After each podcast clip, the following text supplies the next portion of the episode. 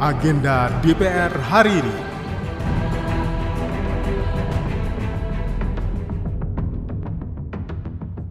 Halo, apa kabar? Di Jumat pagi ini, 23 September 2022, saya Tiara kembali mengajak Anda mencermati agenda kerja Wakil Rakyat hari ini.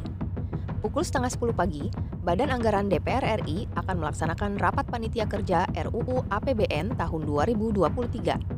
Di pukul 10, Komisi 8 akan melaksanakan fit dan proper penyampaian visi dan misi calon anggota Komisi Perlindungan Anak Indonesia atau KPAI Sementara pengumuman hasil seleksi calon anggota KPAI tersebut akan dilaksanakan oleh Komisi 8 pada pukul 7 malam. Demikian agenda DPR hari ini. Selalu simak dan ikuti kegiatan DPR RI dan dengarkan siaran langsungnya melalui website tvr.dpr.go.id/radio. Saya Tiara, sampai jumpa. Agenda DPR hari ini.